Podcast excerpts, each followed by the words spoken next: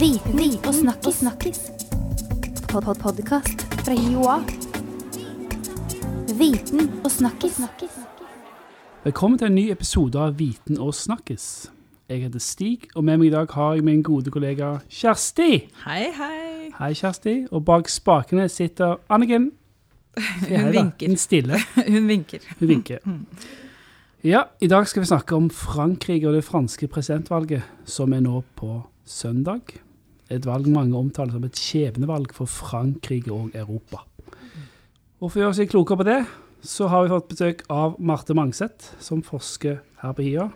Hei, Marte. Hei, hei. Du forsker jo bl.a. på makt politikk og byråkrati i Frankrike. Um, så Marte, er dette et skjebnevalg? Ja, det kan man jo si, fordi eh, det er eh, to kandidater igjen. Hvorav den ene altså er Marine Le Pen, som er eh, leder for det høyrepopulistiske partiet i Frankrike. Og det at hun selv om hun ikke ligger an til å vinne, men eh, det er liksom ikke utenkelig at hun vinner. Det at hun kan vinne et eh, parti i Nei, et presidentvalg i Frankrike, et av de to landene som grunnla EU, det er, eh, det er viktig. Eh, og det er Det er, betyr potensielt liksom store forandringer både i Frankrike og i eh, Europa. Det er helt utrolig at, at hun har kommet så langt, og det partiet blir så stort. Ja, altså eh, Det høyreekstreme partiet eh, Front National har jo kommet til andre runde i eh, presidentvalget en gang før. Det var i 2002. Da var det hennes far, Jean-Marie Le Pen, som eh, kom fram til eh, andre valgrunde sammen med Jacques Chirac. Men den gangen var det jo et sjokk. Den gangen kom det som en bombe. Alle trodde at Sosialistpartiets kandidat Lionel Jospin skulle komme til andre runde, og så gjorde han ikke det. Han tapte bare med noen få eh, eh, marginer, liksom. Mm. Og, og så kom hun. Og da var det jo liksom stor oppstandelse og protester i gatene og demonstrasjonstog, og alle var liksom enige om at dette her er jo katastrofe. Eller vil si ikke alle, da, men omtrent eh, 80-82 eh, liksom gikk sammen. Nå må vi lage en republikansk front mot ytre høyre. Mens nå så er det noe helt annet. Hun har vært favoritt i et år. Hun har ligget an høyest på meningsmålingene i et helt år. Hun har deltatt som en hvilken som helst annen politiker i TV-debattene, i hele mediestyret i forkant av valget. Eh, og hun har blitt en, en politiker som de andre. Og det sier noe om liksom, hvordan politikken har beveget seg eh, i samfunnet generelt i løpet av de 15 årene. Men da er det interessant å, stille spørsmålet hvorfor har det blitt sånn? For én ting er at eh, politikerne kommer seg fram, men de må jo ha folk som stemmer seg fram. Og hva er det som har skjedd i Frankrike da som gjør at For det er jo altså det er mange som stemmer på henne, og det er jo ikke bare Selv om vi kan tenke at eh, ja, det, det er jo vanlige folk også, holdt på å si. Altså, det er jo ikke Ja, Ikke sant, skjønner du? Absolutt vanlige folk. Og det er jo omtrent eh, 40% eller 38% kanskje omtrent, som er tenkt til å, å stemme på henne nå. Eh, og det er jo en stor del av befolkningen. Um, og da kan man jo snakke om noen ting eh, spesifikt i Frankrike. Det er jo 10% arbeidsledighet. Det er jo ganske mye. Eh, men ikke bare det. Veldig mange av de som har jobb, men som har de dårligst betalte jobbene, tjener ganske lite penger. Det er eh, mye større fattigdom, og ikke bare det, men ikke de som regnes som fattige, men de som bare regnes som litt sånn lavtlønte, og selv middelklassen tjener veldig mye mindre enn det vi gjør her i Norge. Sånn at eh, mange opplever det som harde tider. Eh, De har lite penger, og, eh, og det er liksom et litt brutalt eh, samfunn. Eh, og det er jo blant de viktige tingene som har skjedd, uh, som mange samfunnsvitere som har vært opptatt av, at arbeiderklassen har gått fra tradisjonelt å stemme på venstresida til å stemme ytre høyre. Det ser vi jo i Norge òg. Altså, Frp tiltrekker seg en god del arbeiderklasse, så det er ikke så Det er ikke spesifikt for eh, Frankrike heller. Dette er noe vi ser i mange europeiske land, og vi så det i USA under Trump-valget. Men, men, men Front National er jo mer ekstremt enn type Frp, så det er jo altså, Ja. ganske hard retorikk de bruker, og hun fremstår som ganske spooky, hele dama. Ja, altså det er jo eh, Hun, hun eh, vil jo f.eks. sende alle utlendinger som begår lovbrudd, ut av landet, uansett graden av lovbrudd. Altså hvis du får en fartsbot, skal du ut av landet da. Eh, det er um, 17 000 mennesker som er såkalte sånn fiché S, som betyr at etterretningen har dem under oppsyn av en eller annen grunn. Og 11 000 av dem skal være knyttet til eh, islamisme i, i en eller annen forstand. Men det kan være at man bare har møtt et menneske som eh, er med i en eh, organisasjon som virker suspekt, eller sånn. Altså, det er veldig sånn shady rettsgrunnlag for det. Men Marine Le Pen vil kaste ut alle de menneskene av landet. Altså uten rettergang. Uten. Hun, eh, det er jo unntakstilstand i Frankrike nå pga. av eh, terroren, eh, den, særlig den som skjedde i, fem, i november 2015. Da.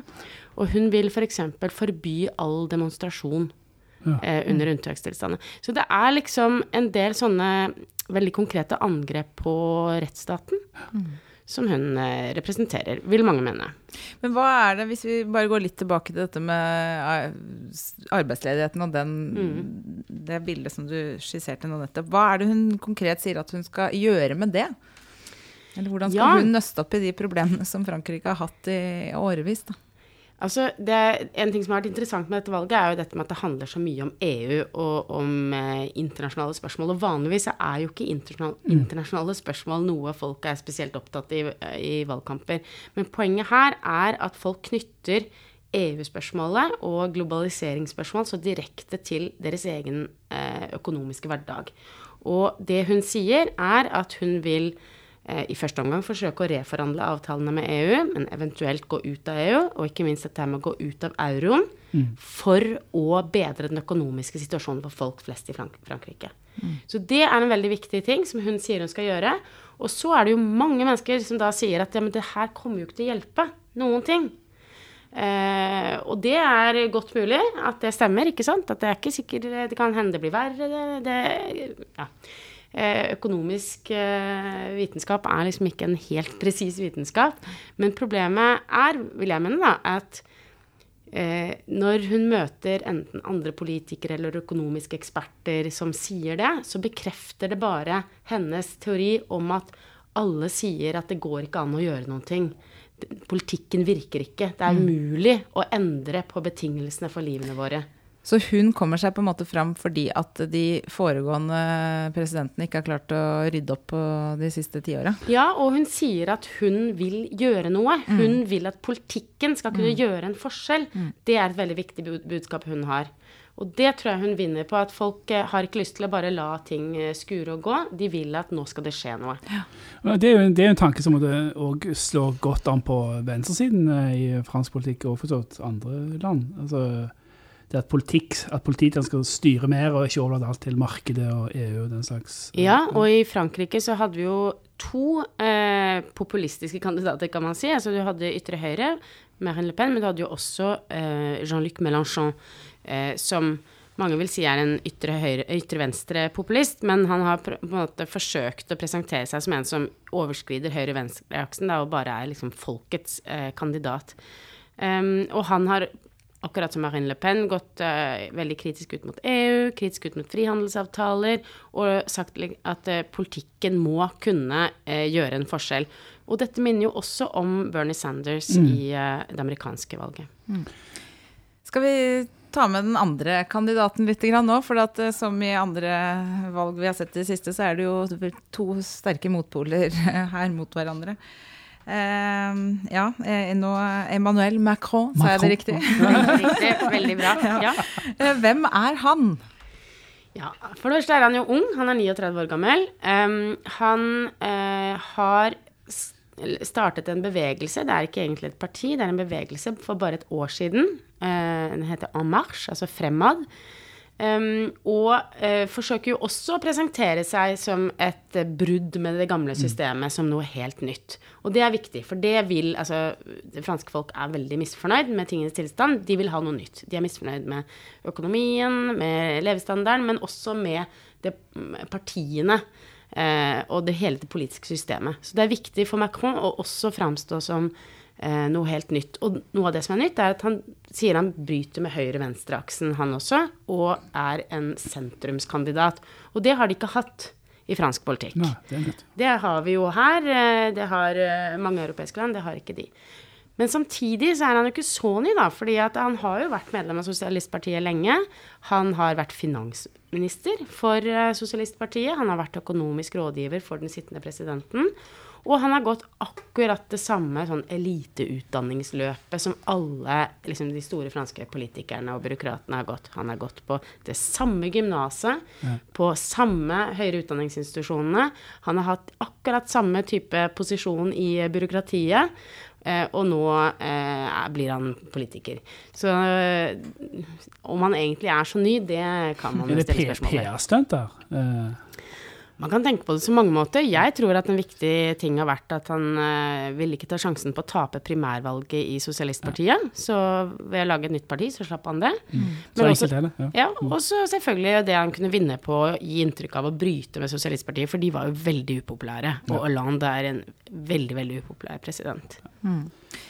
Men de to mot hverandre nå, da, da blir det jo på en måte nasjonalisme versus eh, globalisten Ja. Macron. Er, det, er de liksom de er, er de helt uenig i alt, da? Er det basic? Eh, ja, altså i eh, alt som har med innvandringsspørsmål, eh, hvordan man forholder seg til EU, til frihandelsavtaler, eh, troen på en liberalistisk eh, økonomi. Altså Macron tror jo på at fri handel vil gi eh, bedre levekår for alle. I det store og det hele, liksom. At det er der svarene på spørsmålet om hvordan vi skal få eh, bedre kjøpekraft, eh, mindre arbeidsledighet, eh, ligger. Så det er jo slett ikke sikkert at det vil virke heller. Ehm, så de er veldig uenige om det. Uenige om innvandring. Han er eh, for eh, å ta inn eh, flere flyktninger fra Syria og andre krigsherjede områder. Mer opptatt av at det skal være et eh, varmt og inkluderende samfunn. Eh, han er eh, uenig i mye av den eh, repressive politikken, altså det med hvor strenge straffer det skal være, hvor hardt politiet skal slå ned på ting. Men eh, mange har jo vært opptatt av hvorvidt liksom det med terrortrusselen og sikkerhetspolitikken er noe som Marine Le Pen skal vinne mye på. Men der er de egentlig ganske enig. Begge vil styrke politiet mye. Begge vil styrke etterretningen. Vi har jo ikke noe valg, kanskje, i Frankrike. Må Alle partier må, si markere seg det. Ja. Ja, må Og si til og med Hollande har vært veldig tydelig på det. Ja. Mm. Men dette her med, med EU, for at jeg hørte hun sa vel noe sånt, hun Le Pen sa vel noe sånt som i en eller annen debatt her, at uh, uansett hvem som vinner dette valget, så er det en kvinne som vil styre. Det er meg eller Angela Merkel. Ja. Eh, er, det, er det noe i det, eller? Ja, altså det er jo det hun vil fremstille det som, at eh, med alle andre enn henne, så eh, vil Frankrike underkaste seg eh, EUs regime, og i praksis Tyskland, eh, da. Um, sånn at eh, det, de, det hun og tidligere også Melanchon da, før første runde prøvde å kjøre hardt på, er liksom at dette handler om Frankrikes suverenitet, muligheten til å bestemme over sitt eget land. Eh, Det handler både om å ikke underkaste seg under EU, men å heller ikke underkaste seg under eh, Nato og Trump, f.eks. Men, men altså, vi har jo sett den samme uh, kritikken mot EU i, i Storbritannia, bl.a. med brexit. Og Der var jo måtte, det konservative partiet som målbar den kritikken, Uh, mens her har måtte, det blitt Le Pens område. Og, og det har ført til kanskje at de høyrepartiene har, de tradisjonelle høyrepartiene har måttet miste eh, innflytelse, eller hva tenker du om det? Altså Hun har tatt den, den gryende EU-kritikken som finnes i folket. Um, Ja, altså Vi kjenner jo det fra EU-debatten her hjemme. Hele den splittelsen mellom at uh, i Norge så var det veldig mye av venstresida Ja. som sto for den type kritikk mot EU, mens i mange andre europeiske land så var det høyresida. Og det har både vært ytre høyre og, og andre deler av høyre. Det varierer litt. Um, nå har vel den kritikken blitt mer legitimt og blitt sentral i, hos mange partier. Um, men eh, det du kan se, er at du også har fått den på venstresida i Europa, uh, som med, med Mélenchon, da. Eh, I Norge så er det jo Senterpartiet for tida som står for den, sånn som de alltid har pleid å gjøre. Og man kan jo på en måte nesten si at er, vi har litt sånn flaks i Norge som har et parti som har så sterk identitet på eh, liksom nasjonal sjølråderett og lokaldemokrati og sånn, uten at de er fundert på et fremmedfiendtlig budskap. nettopp. Ja, er bra. Hvis vi skal eh, ta det litt sånn altså Frankrike det er et stort land, sånn som vi har snakka om nå. Det valget her kommer til å påvirke resten av Europa også. Og så har du noen andre stormakter eh, både ja, i begge retninger. Eh, det er snakk om nå at um, Russland og Putin prøver å blande seg inn i valget og styre dette uh, på et eller annet vis. Hva tenker du om det? Ja, er det, altså, det mulig? I før første valgrunde så var det litt sånn voldsomt, for da var det egentlig tre av de fire kandidatene som lå an til å vinne, var veldig Putin-vennlige. For det var både Marine Le Pen og eh, Mélenchon og eh, Fillon. Nå er det Marine Le Pen igjen, um, men uh, hun uh, hun uh, argumenterer altså for um, tettere samarbeid med Russland. Hun har jo også vært der for å låne penger, for hun fikk jo ikke noe finansiell støtte av franske banker. Um, og, og, der er det veldig klar forskjell mellom henne og Macron. For Macron har sagt selvfølgelig må vi samarbeide også med Russland om mange ting. Eh, særlig hvordan vi skal forholde oss eh, til Syria-konflikten osv. Men vi skal ikke gi opp de sanksjonene, og vi skal ikke akseptere det Russland gjør i Ukraina. Eh, så de, han har en helt annen linje enn eh, en Le Pen. Mm. Men har de Altså, jeg blir jo litt sånn der, eh, nervøs for det. Det er jo snakk om Det var jo i amerikanske valg òg. Skjer det at de faktisk klarer å manipulere dette her, eller kan vi stole på at Eller kan vi stole på noe som helst lenger? Ja, nei, det er søren ikke godt å si, altså. Men jeg tenker at man må nesten gå ut fra at liksom selve valgsystemet fungerer. Eh, ellers så det, blir man liksom helt dystopisk. Ja. Men, men at uh, uh, russisk politikk kan virke inn på Marine Le Pens politikk, det mm. kan man jo tenke at det er reelt, da, på et eller annet vis. Men ikke at de nødvendigvis liksom sitter og, og, og manipulerer akkurat stemmegivningen og sånn. Det får vi gå ut fra at funker. Ja, da kommer vi også litt inn på eller en annen ting jeg har tenkt på. Dette med det i ethvert valg, så, eller i hvert fall kanskje i Frankrike, jeg vet ikke. Men dette med utenompolitiske forhold, da. Nå ser vi jo på en måte saker om privatlivet til altså Én ting er at Le Pen, Marie Le Pen har ja, faren hun har, hvordan hun har vokst opp. Og så har du dette eh, forholdet til Macron som er gift med en mye mm. eldre dame, og så blir det saker. Har det, Påvirker det den franske befolkninga noe, eller er de liksom så Vant til korrupte ledere og eh, elskerinner og Ja, ymse?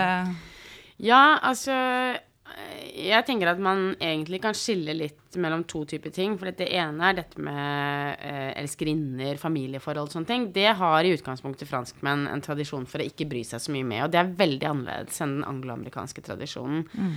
Um, nå driver jo eh, Macron og iscenesetter dette ekteskapet eh, litt likevel, og det å Om han ikke hadde vært gift i det hele tatt, så hadde nok det vært en svakhet eh, for ham. Eh, men alt i alt så tror jeg ikke det har så veldig mye å si. Det, det man kan si, er kanskje at det at han gifter seg med så mye eldre kvinne, bidrar til å styrke liksom, det der bildet av ham som en som har integritet, og som mm. gjør som han selv vil, og ikke eh, ligger under for konvensjonelle press, kanskje, eller sånne ting. Mm. Eh, det med korrupsjon er en litt annen sak, fordi at det er jo direkte politisk relevant. Eh, hvis de stjeler penger fra statskassa, mm. så, er jo, eh, så er det et mm. problem. Da blir det jo mindre penger til ja. offentlige ting. Ja. Men de er jo veldig oppgitt, franske velgere der, og har liksom inntrykk av at det driver de med alle sammen. Mm. Så det er litt det er det eh, trist. Fransk politikere er jo kjent for å være mye korrupsjon. Jeg kjenner fra mye korrupsjon, og, og, eh, det er liksom et politisk system som nesten har institusjonalisert ja. korrupsjon. Ja. Uh, ja. Men kanskje det er derfor vi ser at de tradisjonelle partiene òg svekkes? Altså, folk er møkk lei? Ja. Det er uh, en veldig politikerforakt, og mm. det har da åpenbart gått uh, hardt utover de tradisjonelt store styringspartiene, da, både det Høyrepartiet og Sosialistpartiet. men det er også grunnlaget for at Marine Le Pen har så stor oppslutning, men ikke bare henne. Også det at det er, ligger an til å være omtrent 28 som ikke stemmer i det hele tatt. Ja, de.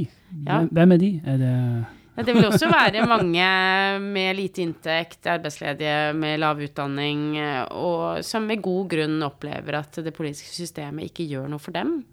Ja, at det ikke gjør noen forskjell om de stemmer på den ene eller den andre. Mm.